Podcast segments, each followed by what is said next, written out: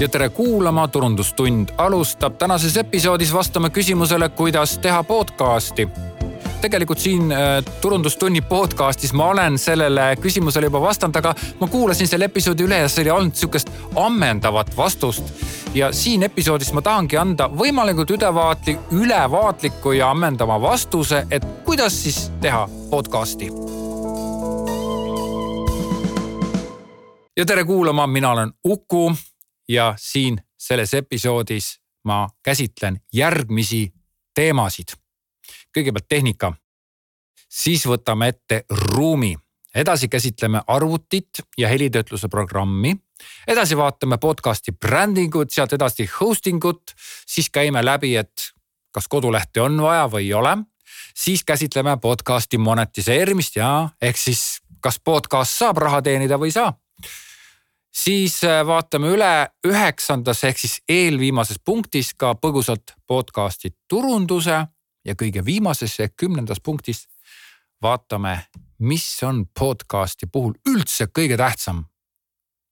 seda asja ma ära ei spoil'i, pead lõpuni kuulama, siis saad selle vastuse kätte. Lähme lahti, kõigepealt siis tehnika kõigepealt on vaja loomulikult mikrofoni jah, umbkaudne mikrofoni hind on kusagil sada eurot kui sa ei ole selline inimene, kes viitsib väga palju uurida ja surkida ja, ja, ja torkida ja vaadata, mis ja kes on parem ja vaadata tonnide viisi igasuguseid Youtube'i videosi ja lugesid, lugeda review sid, siis ma soovitan mm, äh, äh, Rode mikrofone, sellepärast et ta suhteliselt kindla peale minek ja sa saad enam-vähem õige asja.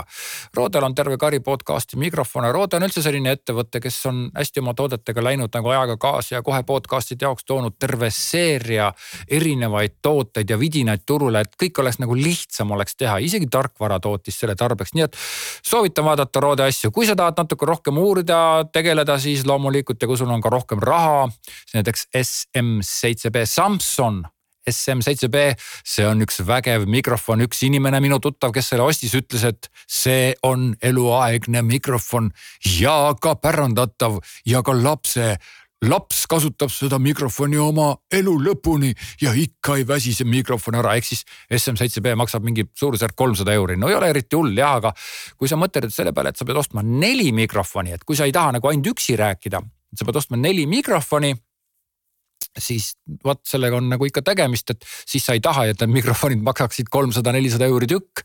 vaid sa tahad, et nad oleksid no enam-vähem siuksed normaalset häält teeksid ja, ja nad oleksid normaalses hinnaklassis, ehk siis sada eurot jah, üks mikrofon sada eurot ja saja euro eest muideks saab nii mm, siis äh, sellise äh, mikrofoni, mis tuleb helikaarti ühendada, kui ka saab USB mikrofoni. USB mikrofon on siis selline mikrofon, mille sa ühendad otse USB kaabliga arvutisse ja saad hakata rääkima, nii et kui sa üksinda tahad, ainult hakkadki, teadki, et teed sihukest podcast'i, mis, kus sa kogu aeg üksinda räägid, siis osta omale ainult USB mikrofon ja kõik, rohkem polegi mitte midagi vaja.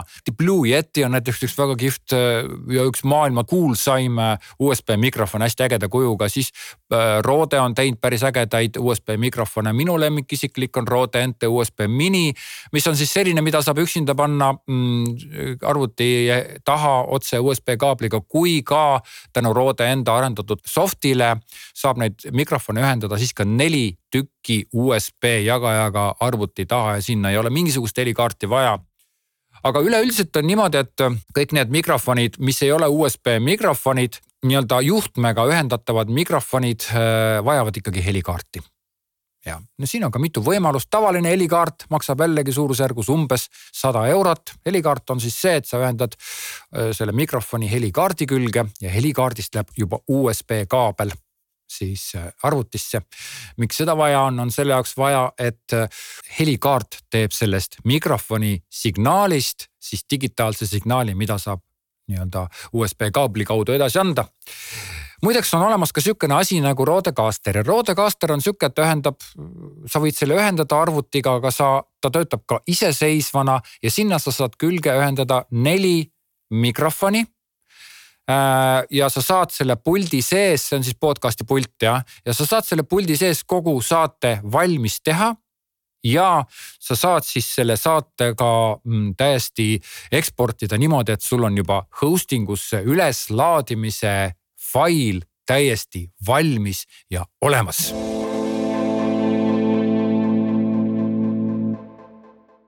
Rodecaster Pro maksab suurusjärgus viissada eurot, praegusel hetkel on äh, aasta kaks tuhat kakskümmend üks ja august ja ta maksab isegi natukene vähem, nelisada kaheksakümmend eurot vist vaatasin Pro Gearis.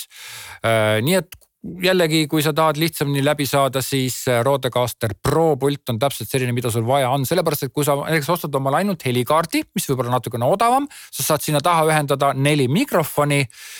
aga siis on sul ainult üks kõrvaklapi väljund, aga kui sa tahad omale kutsuda neli külalist või näiteks kolm külalist ja üks saatejuht, kes oled sina, siis äh, sa tahaksid äkki anda igale külalisele kõrvaklapid. tegelikult see ei ole kohustuslik, aga see oleks hea.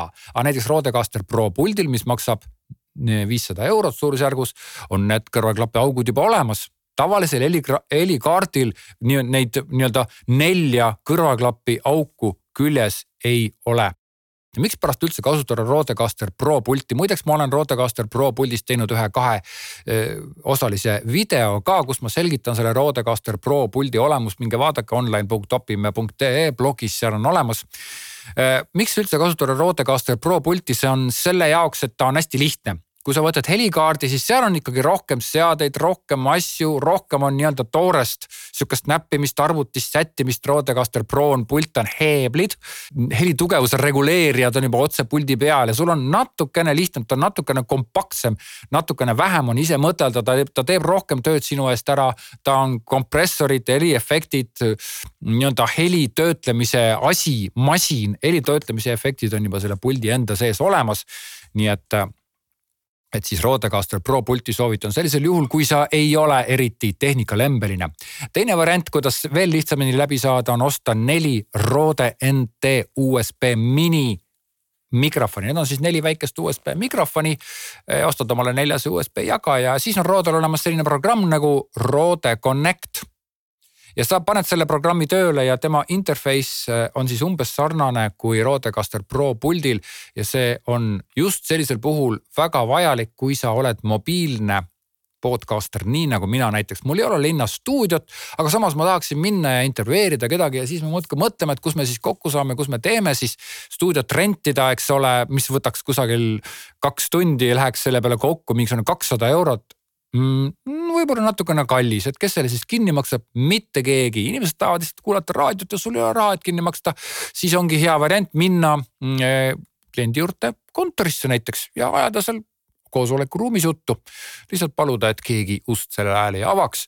ja, ja eh, Rode NT USB mini on just täpselt selline mikrofon, millega sa saad minna kusagile paned kõps, kõps, kõps, kõps, kõps neli mikrofoni, laotad laiali ja ühendad ära ja läks, saad hakata peaaegu et kohe salvestama, sellepärast et sul on ekraani peal ainult arvutiekraani peal jah, ainult üks rekordnupp ja seda pead vajutama ja siis kohe saadki hakata juttu rääkima, et see on päris hea mina ise isiklikult teen äh,, salvestan podcast'e niimoodi, et mul on helikaart, kus on neli sisendit, siis on mul helitöötlusprogramm, kuhu sisse ma otse salvestan, ka praegu ma muideks salvestan helikaardi ja, ja arvuti ja helitöötluse programmi sisse otse salvestan oma seda juttu. nii et äh, ütleme, et see ei ole ka raske, minu jaoks on päris mõnus, päris kerge, päris huvitav, aga ta nõuab ikkagi harjumist, ta nõuab tegemist, ta nõuab õppimist, ta nõuab harjutamist, nii et kui sa oled sihuke õppija, kui sulle meeldib tehnoloogia, kui sa tahad õppida programme, kui sind huvitab see asi, siis kindlasti soovitan osta sul helikaart pluss äh, siis need nii-öelda mikrofonid pluss siis kõrvaklapi võimendi eraldi, et sa saaksid neli kõrvaklappi taha ühendada. lisaks õppida siis ära helitöötlusprogramm ja, ja see on nagu huvitavam tee ja kindlam ja kvaliteetsem tee. kui sa oled selline, kes ei taha väga tegeleda tehnoloogiaga, siis soovitan sulle väikesema eelarve puhul näiteks osta neli eh, Rode NT USB mini mikrofoni või siis, kui sul on natuke suurem eelarve, näiteks kusagil ettevõttes, siis soovitan sul osta eh, Rodecaster Pro pult. aga jah mm,, kindlasti läheb vaja vahet pole siis, millised need mikrofonid on, kindlasti läheb vaja mikrofonidele siis ka statiive. statiivid on kahesugused, kas siis põrandastatiivid või lauastatiivid, neid on veel erinevaid. küll nad ulatavad küll seina pealt, küll sahtli pealt, küll riiuli pealt, küll laua küljest, küll ma ei tea, laua peal suure jämeda jalaga, küll nad kinnituvad igale poole mujale, siin peab mõtlema selle peale, et kuidas oleks võimalikult mugav istuda senikaua, kuni sa ise räägid üksinda arvuti taga, siis seal võib-olla pole nii suurt tähtsust, aga kui sa kutsud omale kolm külalist ja need kolm külalist on kõik sellised, kes ei ole harjunud mikrofoni sisse rääkima, siis ääretult tähtis on see, et podcast'i külalisel oleks mugav rääkida, sest muidu ta vajub ära. ta läheb mikrofonist kaugemale, ta hakkab peaga keerutama, ta hakkab peaga teiste kõnelejate otsa vaatama. siis on tavaliselt, kui on raske küsimus inimese, inimene hakkab nagu mõtlema, tema mõtteprotsessor hakkab tööle, siis need silmad lähevad lakke ja pea läheb ka lakke ja siis hääl läheb sellest mikrofonist aina kaugemale ja kaugemale ja varsti on niimoodi, et ta peaaegu et selle nagu mikrofonini ei jõuagi, nii et mikrofoni statiiv on üks väga tähtis asi ja just täpselt tänu sellele, et mm, inimesel oleks mugav. Järgmisena võtamegi ette ruumi.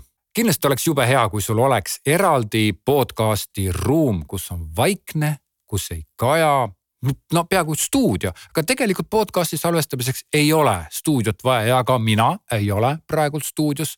ma olen ühes väga huvitavas, väga kihvtis paekivi ehitises. no okei okay,, okei okay,, see on minu rehealune, aga ikkagi siin ei ole stuudiot, aga kui ma oskan mikrofoni sisse rääkida niimoodi, et ma ei räägi väga kaugelt, et ei teki ruumi kaja ja siin on väga palju kola.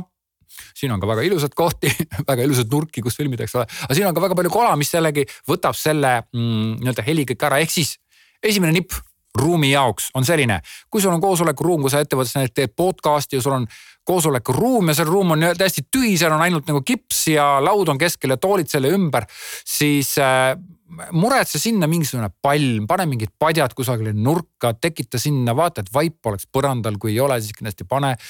võib-olla tood mingi nagi näiteks äh, kontoris sinna sisse, kus on joped riputatud, ühesõnaga tekita sinna ruumi mingisuguseid asju. too sinna meil mingi tool, võib-olla kõrge seljatoega pehme tool, direktori oma juhataja tool, too ära, eks ole, selleks ajaks, kui sa podcast'i salvestad, pärast muidugi viid tagasi ja too see ka sinna tuppa niimoodi, et seal oleks mingeid asju, kus heli peegeldab ja heli nii-öelda hajub ära.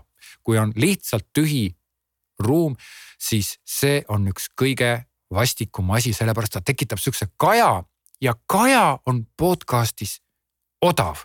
see teeb podcast'i odavaks, see näitab seda, et sa pole viitsinud tegeleda, sa pole tahtnud tegeleda ja see ei ole nüüd sihuke surmapatt, aga ta annab sihukese pisut odava väljundi.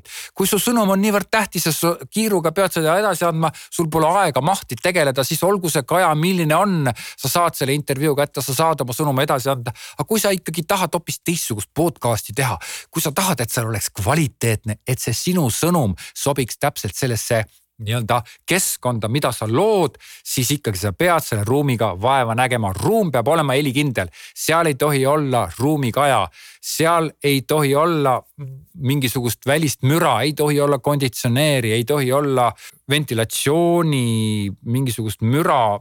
Ühtegi sihukest asja ei tohi olla, nii et, et ikkagi tegele selle ruumiga, kui sul ei ole sihukest ruumi olemas, siis pane vaip maha, vaata, et tool oleks palju, vaata, et ruumis oleks mingeid kõrgemaid asju.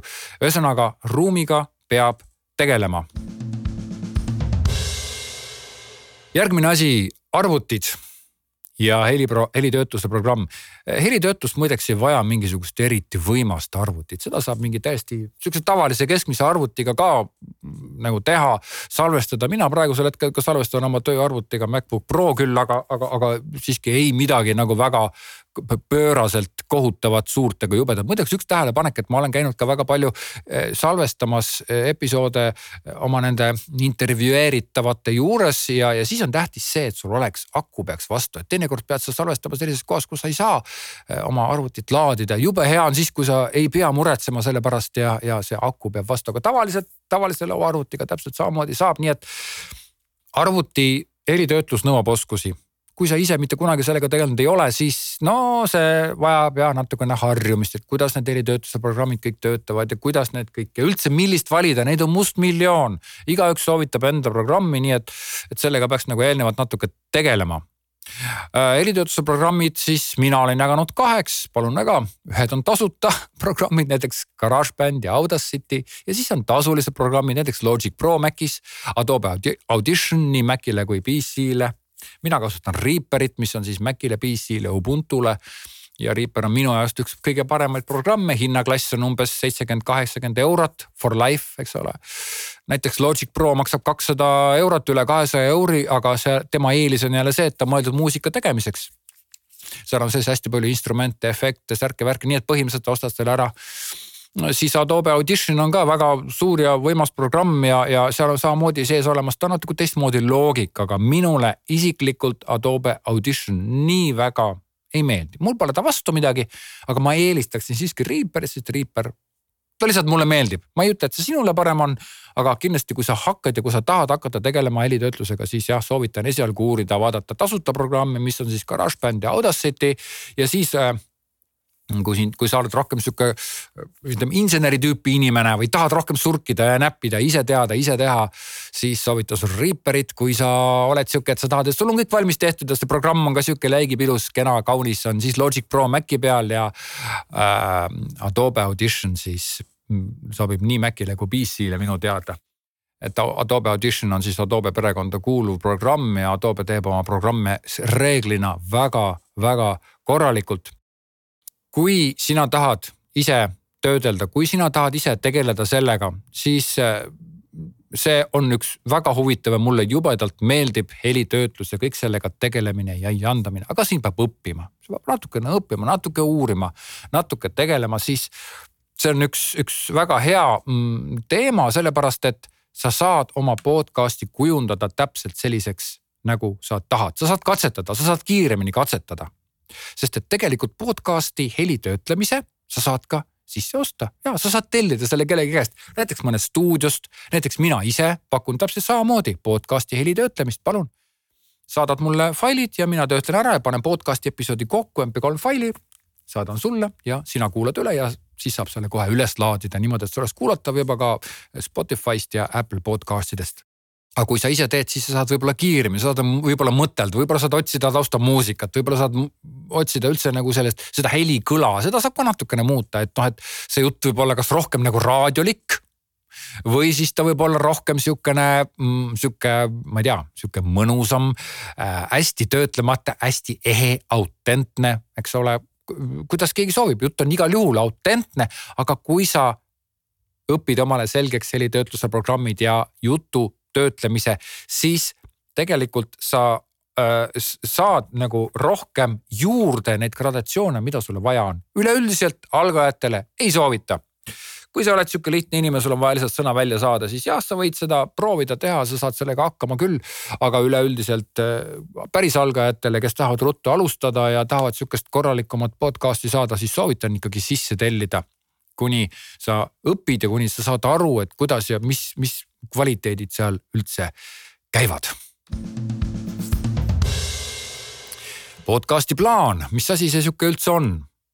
üleüldse, kui sa hakkad podcast'i tegema ja kui sa oled natuke teinud ja tahad kangesti proovida või siis ettevõttes te juba proovite, teete, siis tegelikult algusfaasis soovitan selgelt paika panna podcast'i plaan.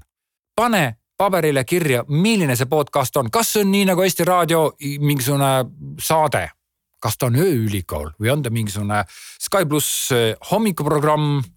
ja tere kuulama, täna ilus hommik jälle, Sky pluss alustab hommikuprogrammiga, eks ole, või on see siis mingi selline ööülikooli laadne saade. universum sisaldab miljoneid tähti.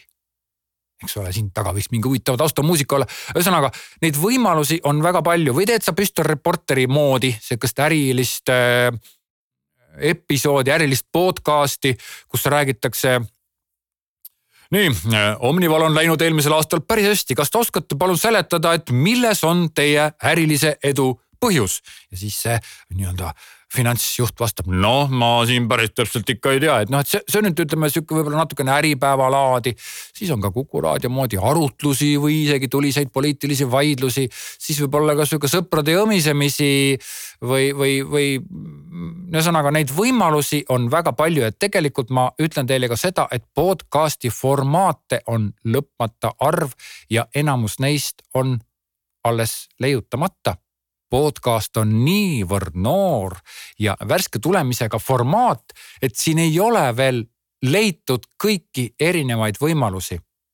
nii et podcast on üks üsna eriline ja väga võimaluste rohke formaat ja seda enam on sul vaja paika panna, et täpselt, millist sa teed. kas sa teed väga uhket, väga kena, kindlasti pead sa kuulama väga paljusid podcast'e, mina kuulan kõvasid suuri tegijaid, Joe Rogan, äh, Brian, Brian O'Conan, Brian O'Conan vist oli jah siis Eesti tegijaid kindlasti erinevaid siin, ma ei tea, podcast'i Mull ja, ja Täitsa Pekkis ja, ja, ja Nullist.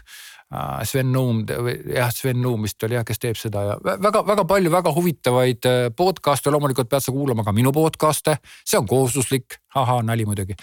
ühesõnaga, minul on ka mitu podcast'i ja nad kõik meeldivad mulle, aga ma, aga kuigi minul on mitu podcast'i, siis tegelikult ma hoian need podcast'id kõik nagu lahus. Ühed on ühtemoodi ja teised on teistmoodi. nii et ja see, see kõik on erinevad formaadid, nii et, et kui sa kõigepealt hakkad podcast'i tegema, siis pane kokku plaan millest üldse juttu tuleb, millised teemad käsitletakse, milline tunne seda podcast'i kuulates tuleb, kui sa lihtsalt tahad infot edasi anda, siis on väga ohtlik, et sa ei tegele ja alateadlikult võtad midagi ja juhid podcast'i midagi. parem ole hea, pane kõik paberile, kirjelda ära, kuidas sa tahad, et see podcast üldse tunduks või, või millisena sina seal podcast'is või sinu ettevõte seal podcast'is nagu välja tuleb. kas ta peab ääretult sihuke tehniline ja, ja kõrge tehnilise tasemega olema või peab ta olema sihuke lahe, sõbralik tore, näiteks võib-olla mõni Betsiti näiteks teeb podcast'i omale, siis ta võiks olla sihukene tore, asjalik, räägib koertest, võib-olla koer augub vahepeal. Või siis on näiteks mingi üks arvutipood, võiks näiteks rääkida asjalikult tehnilised, tehnilistest detailidest, näiteks milline arvuti sobib koolipoisile mängimiseks, eks ole, siin on väga palju võimalusi ja edasi-tagasi. ühesõnaga neid võimalusi on väga palju, püüa võimalikult täpselt ette kujutada, millist podcast'i sa tahad, pane paika plaan järgmine asi on bränding ja ka podcast'i puhul ei pääse brändingust ja usu mind, bränd on midagi sellist, mis võib mingisugusel hetkel osutuda väga oluliseks. Ja sa ei taha brändi väga tihti ümber teha. ehk siis, mis see bränd on, ehk siis see on mingi äratuntavus siin on väga palju elemente, podcast'i puhul me päris kõigest siin hetkel ei räägi, aga kõige olulisem on loomulikult brändingu nii-öelda klassikalised osad, see on siis visuaalne bränding, audio bränding, podcast'i olemus, millest me eelmises tükis juba rääkisime natukene aega. Äh, näiteks, kas sa hakkad üldse kasutama mingisuguseid taustahelisid? või hakkad sa üldse helisid mitte kasutama, sest et näiteks võtame näiteks sellise taustaheli, eks ole. kui ma nüüd selle taustaheli peale räägin, siis see, see minu jutt kõlab hoopis teistmoodi, eks ole. näiteks ma oma podcast'is Uku lood äh, nagu teen vahepeal niimoodi, et ma räägin, muljetan oma minevikust mingisuguseid siukseid fakte ja mingeid tükikesi. ja siis ma räägin hoopis õues võtan mitte mikrofoni, vaid võtan käsisalvestaja, panen selle omaette üsna kaugele laua peale ja räägin heli, tähendab looduse heli taustale. Ja töötlen võimalikult vähe. Ja siis sinna järgi tuleb jälle see, kus ma lasen oma muusikat, eks ole, ja seal on minu jutt, siis sobib sinna muusika peale. ehk siis jälle täiesti teistmoodi kava. Või näiteks, kui sa tahad rääkida ütleme, et sa tahad rääkida mediteerimisest jah, siis ilmselgelt võiks see nagu see podcast olla nagu natukene sihukese helgema taustaga, siis taustaks võiks, võiks tulla mingisugune sihuke mm, helge, mõnus Äh, taustamuusika, midagi, mis sobib just nimelt äh, jooga või siis sihukese hingamise või sihuke harmoonia, harmoonilise olemise taustale. ja sa pead ka rääkima hoopis teistsuguse häälega, aga sa pead selle paika panema ja vastavalt sellele tuleb ju ometigi ka siis see alguskõll sest see muusika, mida sa siin praegu all kuuled, see on ju tegelikult töötlus, see on minu enda tehtud jah, helipank.ee saad selle alla tõmmata, aga see on töötlus minu enda äh, intromuusikast. aga et see vahemuusika, taustamuusika, kõllid kui ka intro kui ka outro, et nad oleksid omavahel ka nagu komplektis, et nad moodustaksid ühe terviku. ja et nad ka sobiksid kõik kokku niimoodi, et kui näiteks siis jooga taust on, harmooniline taust on taga, et siis või nagu mediteerimise taust, et noh, et siis see algus ei oleks mingisugune sihukene väga-väga hull teistmoodi asi sinna taustale. näiteks see muusika, mina praegu arvasin, see ei sobi ju ometigi äh, mediteerimise taustale, see on, on, on sihukese aktiivse oleku muusika. nii, bränd on hästi oluline selle jaoks, et, et mingil hetkel, kui sinu podcast on juba väga kuulus, ta võib ju ometigi saada väga kuulsaks, eks ole, siis sa tahad, et ta oleks kindlasti äratuntav. et näiteks kui raadiod lasevad sinu podcast'i, kas see on võimalik ja siis äh, kindlasti tuleb sinna tunnusmuusika, see tunnusmuusika on alati üks ja ta alati väljendab seda, mis on sinu äh, podcast'i põhiolemus. nii et tegele branding uga, branding tuleneb siis sellest eelmisest punktist, mis oli siis paneb kokku podcast'i plaan ja, ja tegele selle branding uga. visuaalne branding tähendab seda, et sul on podcast'i tunnuspilt, podcast'i tunnuspilt on nii nagu raamatu kaanepilt tahaks kangesti teha ja ka mina, olles eestlane, olles sihuke minimalisti, minimalismi pooldaja, siis tahaks teha justkui sellist, ainult kirjutada oma nime ja tea, paned punase värvi taha ja kõik. siis tegelikult kui avada näiteks Macis äh, Apple podcast või Google'is või PC-s avada näiteks Google'i podcast'i, need võiks siuksed ruudustik, kus on nagu hästi palju pisikesi podcast'i neid pildikesi, siis iga podcast'i pilt räägib mingit lugu ja kui sina paned enda vähetöödeldud, poolenisti töödeldud, minimalistliku, mitte läbimõeldud pildi sinna kõrvale, siis äh, ta mõjub natuke lahjalt see on tükike sinu brändist, sa tahad ennast väljendada ja podcast'i tunnuspilt on väga oluline. muideks ka siis, kui sa teed näiteks ettevõttele podcast'i, see on ka hästi tähtis, et see tunnuspilt nii-öelda sisaldaks selle ettevõtte enda olemust. edasi vaatame hosting ut. kuigi see on nagu kohati sihuke tehniline asi, siis tegelikult see on tegelikult segu nüüd siis tehnikast ja turundusest ja, ja inimeste tehnilisest nii-öelda tasemest ja soovist tegeleda sellega või siis mitte tegeleda sellega. ühesõnaga hosting on siis see koht internetis, kuhu sa pead panema podcast'i, valmis podcast'i episoodi mp3 faili. et siis see jõuaks igale poole, sa laed selle sinna hosting usse ülesse ja siis ta mingi kümne-kahekümne minuti pärast on siis kõik, et Spotify'st, Google äh, podcast idest, Apple podcast idest, äh, mis need veel on, ühesõnaga igalt poolt mujalt, Stitcher, kõik need äpid, podcast'i püüdjad, podcast.ee, podcast'id.ee ja nii edasi-tagasi. Neid on väga palju. Ja loomulikult saad sa podcast'i hosting ust jagada podcast'i ka omaenda äh, kodulehele. Ja ka podcast'i lehele, sellest räägime ka varsti, järgmises punktis täpsemalt jah, vaatasin just nimekirjast järgi. ehk siis podcast'i hosting on selline asi, mis on nagu tavaline server, aga ta on mõeldud ainult podcast'i failide jagamiseks ja näiteks äh, Apple podcast saab kõik oma podcast'i failidega Apple Podcast'i äpp, ega see, see nii-öelda programm ise ei hoia enda sees mitte, mitte ühtegi podcast'i. tema ainult võtab äh, siis RSS faili, kus sees on kiri, kus aadress, kus asub siis, millises serveris asub siis see podcast'i mp3 fail, nii et podcast'i siis hosting ongi see, tänu millele sinu podcast levib üle kogu maailma, nii et kujutad sa pilti, kui sa teed näiteks FM raadiot, näiteks Kuku raadiot, okei okay,, sa teed seda raadiot väga hästi, aga FM levib ainult Eestimaa piires. üle maailma levi, aga podcast, isegi kui sa hakkad omaenda telefoniga tegema podcast'i, siis tema leviku potentsiaal on kogu maailm, planeet Maa. väga lahe, eks ole kujutad seda pilti ja podcast'i hosting just ongi see, mis võimaldab sinu enda podcast'i kuulata üle kogu maakera. muideks Eestisse olles võiks mõtelda, et aga mikspärast mul on vaja siis podcast'i teha kuulatavaks üle kogu maailma. see asi on trikiga väga paljusid minu podcast'i episoode, näiteks põhimõtteliselt kõiki episoode, mida ma olen teinud minu meelest, kuulavad väliseestlased näiteks äh, mul oli väga hea kontakt ühe minu endise üliõpilasega, kes õppis mingi hetk Hollandis või Taanis, ma ei mäleta, kus kohas see oli. ja siis ta rääkis mulle just sihukese loo, kuidas ta sõidab seal, ma ei tea, oma sellest ülikoolist sõidab siis oma sinna üürikorterisse ja siis ta tahaks nagu vahepeal tuleb kange koduigatsus peale, ta tahaks nagu eesti keelt kuulata ja, ja, ja kuna see ta oli minu üliõpilane, turundus teda huvitas, siis ta panigi minu podcast'i peale.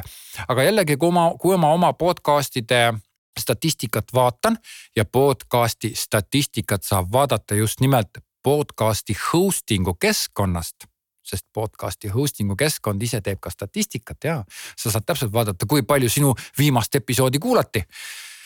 kui ma oma podcast'i episoodide äh, statistikat vaatan, siis neid kuulamisi on üle kogu maailma. Üks näiteks kuulab Prantsusmaalt, ma umbes aiman ka, kes see on, üks kunagine minu töökaaslane, siis kuulatakse Ameerikast, seda ma ei tea, kes seal Ameerikas on, aga igal juhul seal on eestlaste kogukond, kes kohati minu podcast'i episoode kuulavad. siis kuulatakse Rootsist, kuulatakse Soomest, kuulatakse Venemaalt, kuulatakse isegi Hiinast, no seda ma ei tea, kes seal Hiinas võib olla, aga, aga ma arvan, et võib-olla hiinlastel on mingid robotid, mis püüavad kuulata podcast'i või ma ei tea. ühesõnaga ei maksa alahinnata maailma, ei maksa alahinnata suurt levi võimalust, kui sa teed podcast'i episoodi. Ja kui sa teed seda hästi, siis seda episoodi kuulatakse üle kogu maailma, ehk siis podcast'i hosting on väga tähtis, need on kahesugused, on tasuta, jällegi täpselt nii nagu helitöötluse programmigi, need on tasuta ja tasulisi. tasuta podcast'i hosting ud on, ütleme noh, nii nagu tasuta asjad ikka, aga nad, seal ei ole nii palju neid lisasi ja lisavõimalusi juures kui tasulistes tasuta podcast'i hosting ud on näiteks Anchor ja Red Circle, mina näiteks kasutan Red Circle'it kogu aeg ja soovitan kõikidele Red Circle, väga hea, tasuta ja väga võimas tööriist. ja tasulised hosting ud on näiteks Buzzsprout ja Podbean. Nad on ka mõlemad väga head, nad näevad pidevalt vaeva selle jaoks, et, et nii-öelda noh teki-, anda, pakkuda sulle paremat teenust, mis see, mis see kuumakse siis on, eks nad kõik on põhimõtteliselt nii nagu tänapäeval kõik teenused umbes maksavad sama palju, mingi kümme, kakskümmend euri kuus, kakskümmend, kolmkümmend võib-olla. kui sa ettevõttele mingi suurema paketi tellid, siis jälle maksad viiskümmend, kuuskümmend ja nii edasi. nagu ikka, enam-vähem kõik samasugused ja sarnased kuuhinnad on. muideks mina olen tellinud ka tasulist äh, podcast'i hosting ut ja see oli Castos, C-ga Castos ja ma seda ei soovita ja miks ma ei soovita, sellepärast et ma ei saanud sealt mitte midagi rohkem kui täpselt seda, mida ma saan tasuta hosting utest. ma olen proovinud ka Anchorit. Anchorit ma soovitan siis, kui äh, sa teed ainult ühe podcast'i ja rohkem podcast'e teha ei kavatse Anchor on fantastiline, väga hea, väga lihtne, kena, tore. Teistel on omad eelised, teistel on teised eelised, nii et ütleme, et podcast'i hosting on üks väga tähtis detail, millega sa tahes-tahtmata pead natukene tegelema ja kuna seal on ka statistika podcast'i hosting us, kui sa sisse logid, jah, sa näed oma podcast'i statistikat, siis ta on ka sihuke turundustööriist. koduleht on järgmine punkt mikspärast üldse peaks olema ühel podcast'il koduleht, kui sa paned podcast'i episoodi hosting usse üles ja sealt jagatakse näiteks igale poole laiali, näiteks äh, Apple podcast'ist ja, ja Google podcast'ist ja Spotify'st ja igalt poolt saad kätte isegi nendest diiseritest ja Amazon Music utest minu meelest isegi sinna saab jagada jah. igalt poolt saad kätte ja seal on justkui sinu podcast'i leht on olemas, need, kes kasutavad SoundCloudi, mina isiklikult SoundCloudi ei soovita, aga mõned, kes kasutavad, nendel on ju SoundCloudis nagu selle podcast'i leht, siis ta ei, seal ei, sa ei saa sinna panna pilte, sa ei saa sinna panna videosid, sa ei saa sinna tekitada oma keskkonda, mis oleks sinu oma, isiklikult sinu oma ja, ja, ja kus on ainult sinu podcast'i teema üleval. Kus sa saad panna pikemini kirjutada oma seda juttu, kus sa saad rääkida juurde eellugu, kus sa saad rääkida juurde taustalugu, kus sa saad jutustada, kus sa saad näiteks saatekülaline tuleb sulle külla ja, ja sa tahad tema pilti, tema videot, tema elulugu, temast paar sõna kirjutada, midagi panna, siis kui sul on podcast'i koduleht, siis sinna ühe episoodi lehele saad sa täiesti vabalt kirjutada rohkem teksti, panna videosi, nii et see on omamoodi sihuke tänapäevane ajakirjandus, kus on ikkagi postitus ja, ja podcast ja videod ja asjad on juures, mõned muideks teevad ka sihukest podcast'i, kus on, läheb siis nii-öelda äh, videosse, siis läheb podcast'ina, siis on kodulehel on artikkel, ehk siis ma ei tea, kuhu veel, millena veel, mis asjana veel, aga põhimõtteliselt kasutatakse ära kõik võimalused. minule see ei meeldi, sest minu arust podcast on puhtalt ikkagi raadio. sa paned omale kõrvaklapid pähe, sa teed mingit muud tegevust või sul raadio mängib köögis näiteks podcast'i raadio, eks ole, siis ja sa kuulad seda podcast'i ja ta mõjub nagu helina niimoodi, et sul on käed vabad, sul on silmad vabad sa saad nagu rääkida, sa saad süüa, sa saad nii, no see on nagu taust, nagu raadio. Ta, ta ongi nagu raadio, eks ole, et kui me nüüd paneme sellesama podcast'i, teeme video, siis noh, ma, ma ei tea, siis, siis ma tahaks juba teha korralikku videot, mitte filmida ainult seda, kuidas ma räägin. Ma võin ka praegu sellest videot teha, aga uskuge mind, see on maailma kõige igavam video, sest sa vaatad, kuidas ma räägin. aga jällegi, see on minu hinnang, mõned kasutavad, mõned kasutavad ka väga edukalt, mõned näiteks ütlevad niimoodi, et kui sa teed Youtube'i oma nagu videot sellest samast episoodist, mida sa salvestad, siis äh, see tõstab, ma ei tea, kolmkümmend protsenti seda ühte, ühe podcast'i kuulatavust. ühesõnaga koduleht on väga oluline, sellepärast et see on sinu isiklik pesa, see ei kuulu mingisugusele Apple podcast idele, see ei kuulu Spotify'le, kust ei lubata näiteks täies mahus kuulata. see ei kuulu Google'ile, see ei kuulu mitte kellelegi, see kuulub ainult sinule või sinu ettevõttele või sinu organisatsioonile või sinu, ma ei tea, sõpruskonnale kellega sa podcast'i teed. ja, ja see eesmärk on ainult mitte, et umbes, et kui sa kuulasid ühte podcast'i, et või episoodi, siis sa võiksid ka teisi kuulata. ainult sina ütled seal, mida seal kuulata, näiteks selline podcast, mida ma olen ka omaenda äh, episoodidest päris palju juba mm, üle ära hõiganud, on Here be monsters, jah, minu inglise keele, äh, see on Here be monsters, jõle kihvt. ja tõesti, kui sa seda vaatad, sa lähed sinna lehele, paned Google'isse sisse Here be monsters ja vaatad seda podcast'i, mismoodi on tehtud, kuidas seal on kõik see nii-öelda teema on käsitletud, kuidas on kirjutatud, kuidas on pildid, kuidas on kujundus, uskumatu, see, see on niivõrd kihvt on vaadata ja muidugi ka kogu see podcast on üks väga hõnguline, nii et pod, äh, podcast'i koduleht on üks väga oluline turunduslik vahend ja aitab kujundada sinu podcast'i mainet järgmine asi on monetiseerimine. mis tähendab monetiseerimine? see on siis see, et podcast'iga saab tegelikult ka raha teenida. nüüd ma tean, et väga paljud inimesed üldse ei mõtlegi selle peale, et või noh, vähemalt esimese valuga, et sa ei mõtle ju selle peale, et noh, et kuidas sellega raha teenida absoluutselt jah. ja siis tekib sihuke olukord, kus sa juba teed ja teed ja siis on sul mingisugune sada osa ja kuulatavus on jube suur, eks ole. tuhat inimest kuulab igat osa näiteks Eesti, Eesti nendes tingimustes täiesti võimalik. ja, ja noh, siis sa mingil hetkel tekib see koht, kus sa enam ei, sa ei jõua teha seda, sest podcast'i tegemine võtab niivõrd palju aega ja siis, aga samas kuulajad nagu on ja noh, siis sa mõtled noh, et pagan, et aga ma teen siin ju podcast'i ja nemad lihtsalt kuulavad nagu raadiot, aga raadiotele ju makstakse või lastakse reklaami. sa mõtled, et, et aga äkki laseks ka mingisugust reklaami või, või noh, et, et äkki saaks sealt mingi raha tagasi, et vähemalt selle osa, kui ma näiteks oma tööajas seda teen või kui ma teen oma vabast ajast, siis tegelikult see, see on ju ka midagi, mis vajab, võtab väga suure ressursi. ja kui sa tellid näiteks helitöötluse näiteks minu käest, siis ma ju võtan raha selle eest, jah.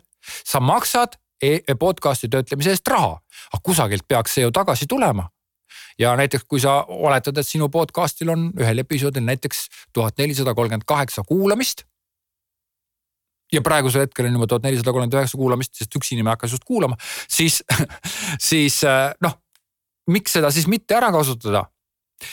minu soovitus on see, sellel hetkel, kui sa paned paika podcast'i plaani kui sa teed brändingut, kui sa teed kodulehte, kui sa otsid hosting ut, kui sa tegeled kogu selle podcast'i teemaga, mõtle läbi, kas ja kuidas on podcast sinu raharingluses.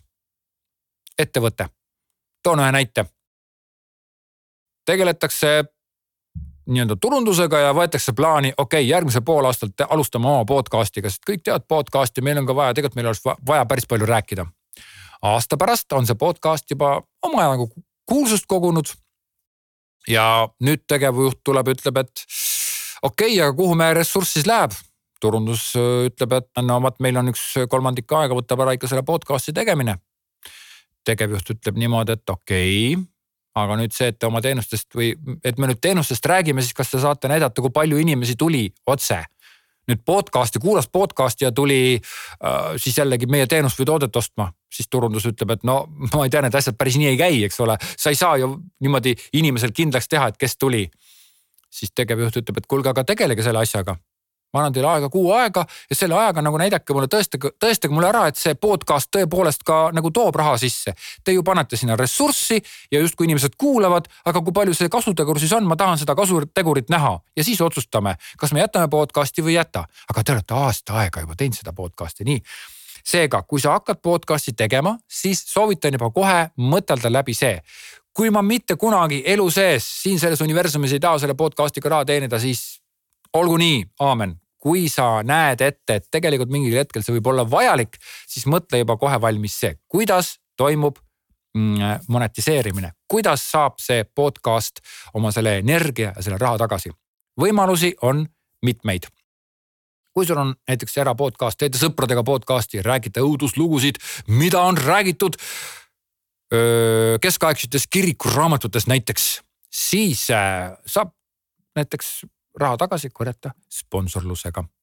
ehk siis, kui sponsor näeb, et sinu podcast'i kuulab päris palju ühte episoodi, näiteks viissada inimest, siis ta tahab juba, et sina paigutaksid sinna sisse oma reklaami ja seda inimesed, kes kuulavad seda podcast'i, kuulavad siis tahes-tahtmata ka seda reklaami ja sinna podcast'i sisse, episoodi sisse pannakse reklaami tavaliselt kolme kohta. üks on siis algusesse, teine on keskel ja kolmas on lõpus, väga loogiline, eks ole ju äh,. ehk siis esimene variant, kuidas siis podcast'iga raha teenida ma ei tea, kas just teenimine on just õige, me ei ole just kõik Joe Roganid, aga, aga põhimõtteliselt podcast tooks, raha tagasi, oleks siis podcast'i sponsor, ehk siis tervet seda podcast'i toetab üks sponsor. Ja sina, kas sa siis paigutad selle sponsori saadetud reklaamiklipi sinna igasse episoodi või ütled ise, räägid ise, teed nagu naturaalselt seda reklaami ja räägid ise, vaat, et, et selle podcast'i sponsor on Tallinna autobussikoondis jah, Tallinna autobussikoondis ja bussiga sõites kindlasti kuulake podcast'i, see on kõige parem ja kõige mugavam tee. ja üldse Tallinna autobussikoondis ja bussid on kõige mugavamad ja nii edasi. ehk siis äh, näiteks noh, see on, see on muidugi näiteks toodud, ma ei tea, kas Tallinna autobussikoondisel on nii palju raha, et ta saaks maksta podcasterile ja kas see kõik ennast ära tasub, ma ei tea seda. aga põhimõtteliselt on see võimalik sest näiteks loogiline oleks see, et kui sa kuulad seda podcast'i ja see räägib mingist moodsatest asjadest, näiteks drum and bass music'ast, siis mm, selle podcast'i sponsor võiks olla mingi kõrvaklappide tootja, näiteks Beats, jah. see oleks nagu väga loogiline. ehk siis võiks olla podcast'i sponsor ja sa saad juba ka näiteks podcast'i tutvustuses ära öelda selle, et ja seda podcast'i toetab see. Äh, teine võimalus on episoodi sponsor sul on iga episoodi jaoks on ette nähtud eri sponsor, näiteks ükskord sa räägid siin mingisuguse hobusekasvatajaga järgmine kord ja müüd näiteks hobusetarbeid, järgmine kord sa räägid siis koerakasvatajaga ja sinna näiteks tellib selle või seda sponsoreerib, seda episoodi sponsoreerib näiteks Betsiti. ja siis sa räägid näiteks mingi mudel väikeste lennukite sõidutajaga perekonnaga, kus väike poiss ja isa ja, ja ema ja kõik nagu käivad koos, lennutavad mingeid mudellennukeid, eks ole. ja siis seda toetab näiteks mingi mudellennuki osade maaletooja, miks ka mitte. see on, see on väga loogiline. aga see sponsorluse tingimus on see, et sul on arvestatav hulk kuulajaid, kui suur on arvestatav hulk? Ma tean seda, et, et äh, Äripäeva raadios, kui ma tegin raadiosaadet, siis seal oli igal saatel, tervel, tervel poolaastal oli sponsor. ja sponsori reklaamid on seal siiamaani SoundCloudis olnud üleval ja sponsori reklaami saab kuulata seal. ja ühel äh, raadiosaatel oli ainuüksi internetis oli kuulavus vähemalt tuhat kuulamist. ilmselt rohkem nad ajas kasvavad, nii et et, et see on nüüd üks näitaja, aga võib-olla saab ka vähem, aga sellepärast, et võib-olla mingisugust asja ongi, ainult piisab sellest, kui sinu keskmine äh, kuu kuulatavus ongi mingisugune, ma ei tea, sada kuulat-, sada kuulamist per episood ja, ja, ja viissada kuulamist per podcast või, või kuidagi niimoodi, igal juhul sul peavad olema need numbrid näidata, sa pead neid numbreid suutma näidata, sa pead suutma tekitada sellist olukorda, kus sina paned episoodi välja ja seda episoodi kuulab päris suur hulk ja sa pead pidevalt ka tegelema turundusega, et seda, et neid kuulajaid nagu säilitada. teine võimalus, kuidas äh, panna podcast omaenda äh, nii-öelda ressurssi ja raha tagasi tooma, on siis Patreon ehk siis äh, liikmelisus. Patreon oleks midagi sellist, et sinu podcast jaguneb nagu kaheks, üks on selline, kus sa lased siis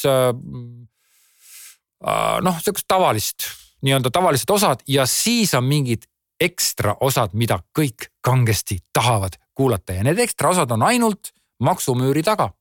näiteks Patreonis, seal inimene, kes maksab sinna mingisugust, ma ei tea, viis euri kuus sulle näiteks siis tema kuuleb neid ekstra osasid või näiteks niimoodi nagu Tumedad tunnid podcast tegi sellise osa, et seal on kuulde, kuuldemängu, kuulde, tähendab mitte kuuldemäng õudus ja ulmelood, mida ta ette loeb väga kihvtilt, kusjuures väga lahedalt, minge kõik kuulake Tumedad tunnid podcast, siis äh, kui sa tahad järgmist, sellesama järjejuttu, järgmist osa kuulata, siis muidu on nädala pärast või kahe nädala pärast, aga kui sa tahad kohe kuulata, siis lähed Patreoni logid sisse ja maksad sinna ja siis sa saad kohe kuulata, kuidas edasi läks.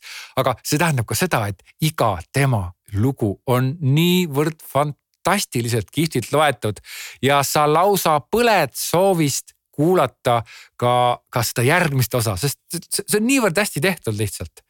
nii et noh, palun, saab teha igate moodi. ja neljas võimalus äh, raha teenimiseks, mille ma siin välja toon, on reklaami oma tooteid. jah, näiteks mina, mina teen niimoodi. minul on õppekeskkond, kus on siis näiteks e-loengud ja seal loengutes e-kursused äh, kus ma siis näiteks ka räägin ka sellest, kuidas podcast'i teha, aga siin ma räägin ju põgusalt podcast'i episoodi, ma ei saa ju nii pikaks teha. aga siin ma saan ka viidata sellele, et mul on e-kursus, kus sa saad öö, õppida podcast'i tegemist ja seal on juba videod, seal on juba pikemad lood, seal on kõik süstematiseeritud, ära järgutatud väikesteks nii-öelda infoampsudeks. on sul tagasiside võimalus, on tekstid, on lingid, nii-öelda palju põhjalikum materjal on olemas keskkonnas online.opime.ee ja siia lasin reklaami kõlli nüüd. ehk siis reklaami oma tooteid ja muideks ma tõin siin ühe näite, kuidas turundus ja kuidas tegevjuht küsib turunduse käest, et kuidas see siis nii-öelda toob tagasi.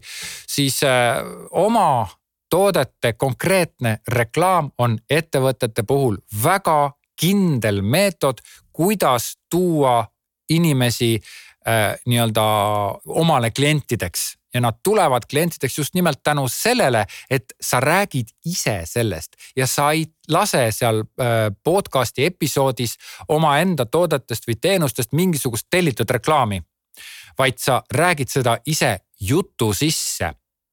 ja see kõik algab sealt, kus sa ise usud omaenda ettevõtte toodetesse, sa usud omaenda ettevõtte mm, teenustesse ja see ei tööta niimoodi, et kui juba sinu ettevõte teeb podcast'i ja kui juba sinu ettevõte räägib oma mingitest, ma ei tea, teenustest ja asjadest terves episoodis näiteks. see ei tähenda seda, et see juba viiks sind koheselt, et ikkagi ka episoodis peab olema konkreetne reklaam, kus on konkreetne üleskutse, sa võid teha kasvõi mingi unikaalse urli, unikaalse näiteks alamlehe panna kusagile välja, kus on konkreetselt selles episoodis välja hõigatud URL, kus on konkreetne pakkumine, mida saab ainult see inimene teada, kes on kuulanud ära selle episoodi ja, ja, ja tal on siis nagu vägagi mingi jube hea pakkumine mingi soodustusega mingi teatud aja jooksul näiteks ja, ja teiselt poolt sa saad siis näha ka, et kui palju inimesi tuli peale episoodi kuulamist selle, sellele lingile, kuna sinna lingile näiteks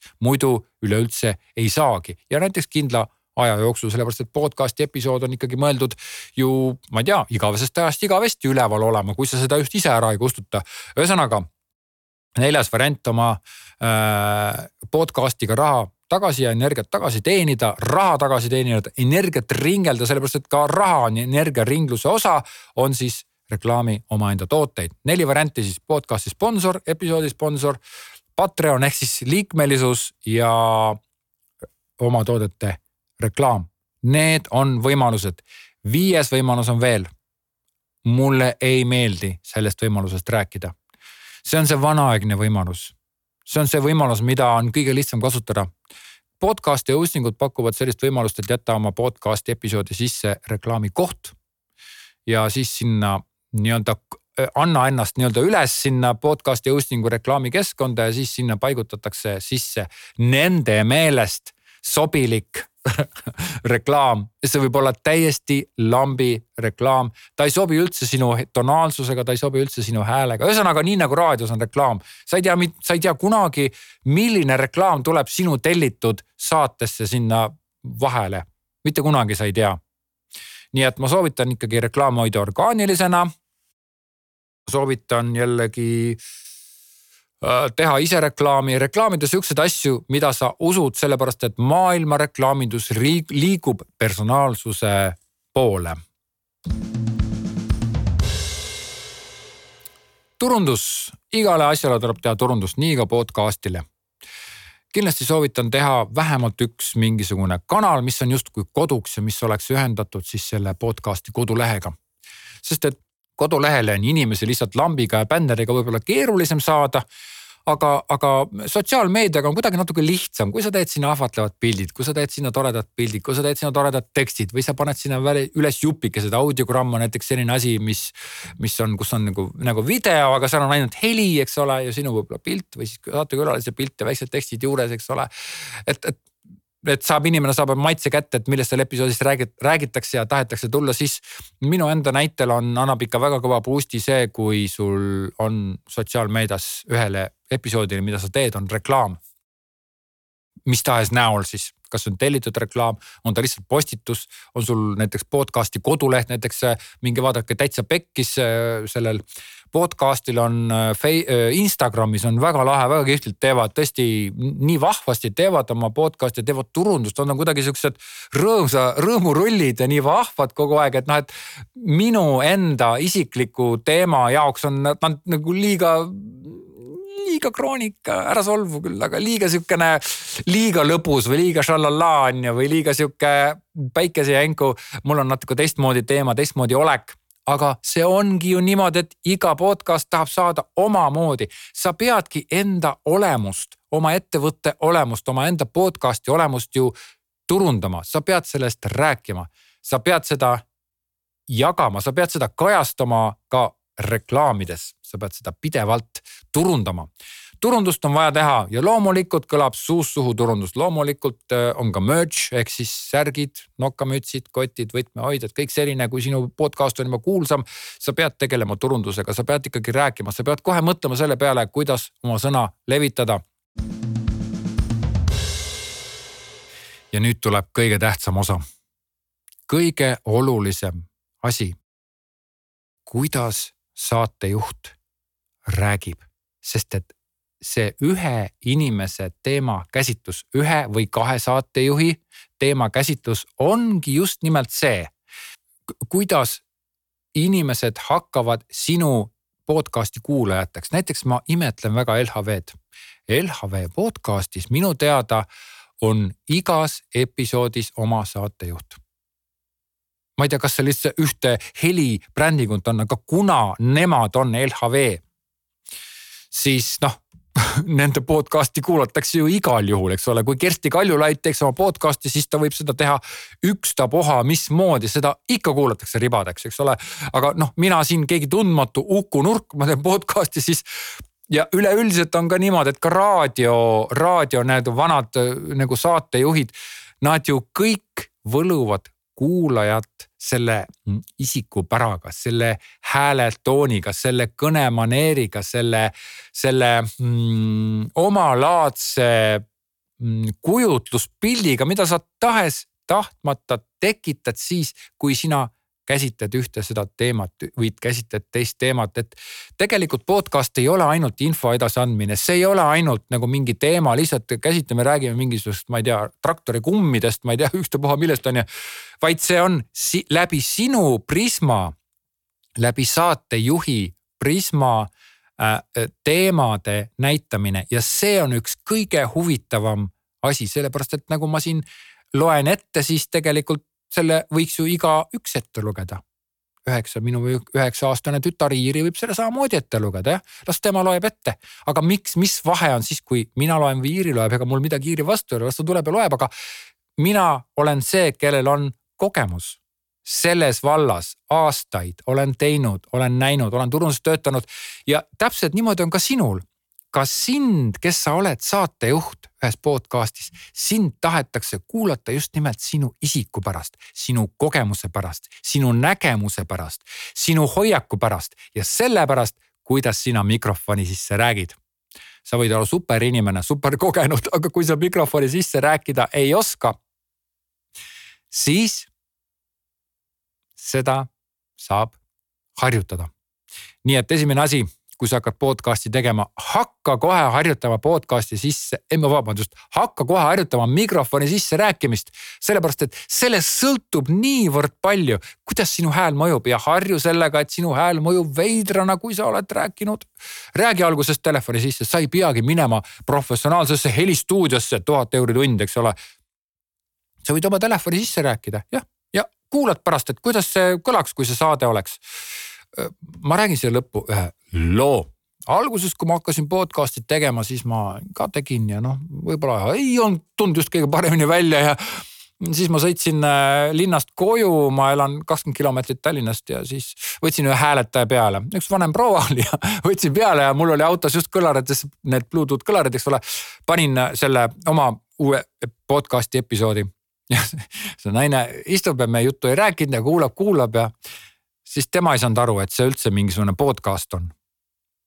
ja mina ei ütelnud ka midagi ja siis ta juba, kui sõit oli lõppemas, ütles no kes see on sihuke imal noor mees, kes ennast niimoodi kiidab, sihuke uhkeldamine käib seal, jumal, kes see niimoodi on, raadios sedasi räägib noh, muidugi ma siis ütlesin talle, et tead, see olen mina, et see on minu, ma alustan nagu podcast'i tegemist, aga jah, see oli väga-väga naljakas, et noh, et ma kõigepealt tahtsin oma podcast'i kuulata, sellepärast kui sa autos sõidad, siis on sul väga hea seda podcast'i episoodi kuulata, sa kuuled seda hoopis teistmoodi. autos sõites peab podcast'i kuulama ja see, usu mind, see töötab täiesti teistmoodi. aga jah, kuidas ma selle häälete peale võtsin ja kuidas, kuidas ta nagu täiega maatasa mind tegi, see oli väga tervistav ja jube hea, kui sind keegi kritiseerib, sa saad ennast kuulama hoopis teise nurga alt. aga nüüd tundub, et sain vist ringi peale kõikidele teemadele, ma loodan väga, et ma olen abiks, et see jutt aitas sul saada natuke selgemat pilti ette, kuidas podcast'i teha ja kui midagi jäi ebaselgeks, siis kindlasti kirjuta mulle ja küsi minu käest. siin episoodi all on kirjelduses on lingid. uuri neid linke aitäh, et kuulasid ja salvesta podcast'i ja tšau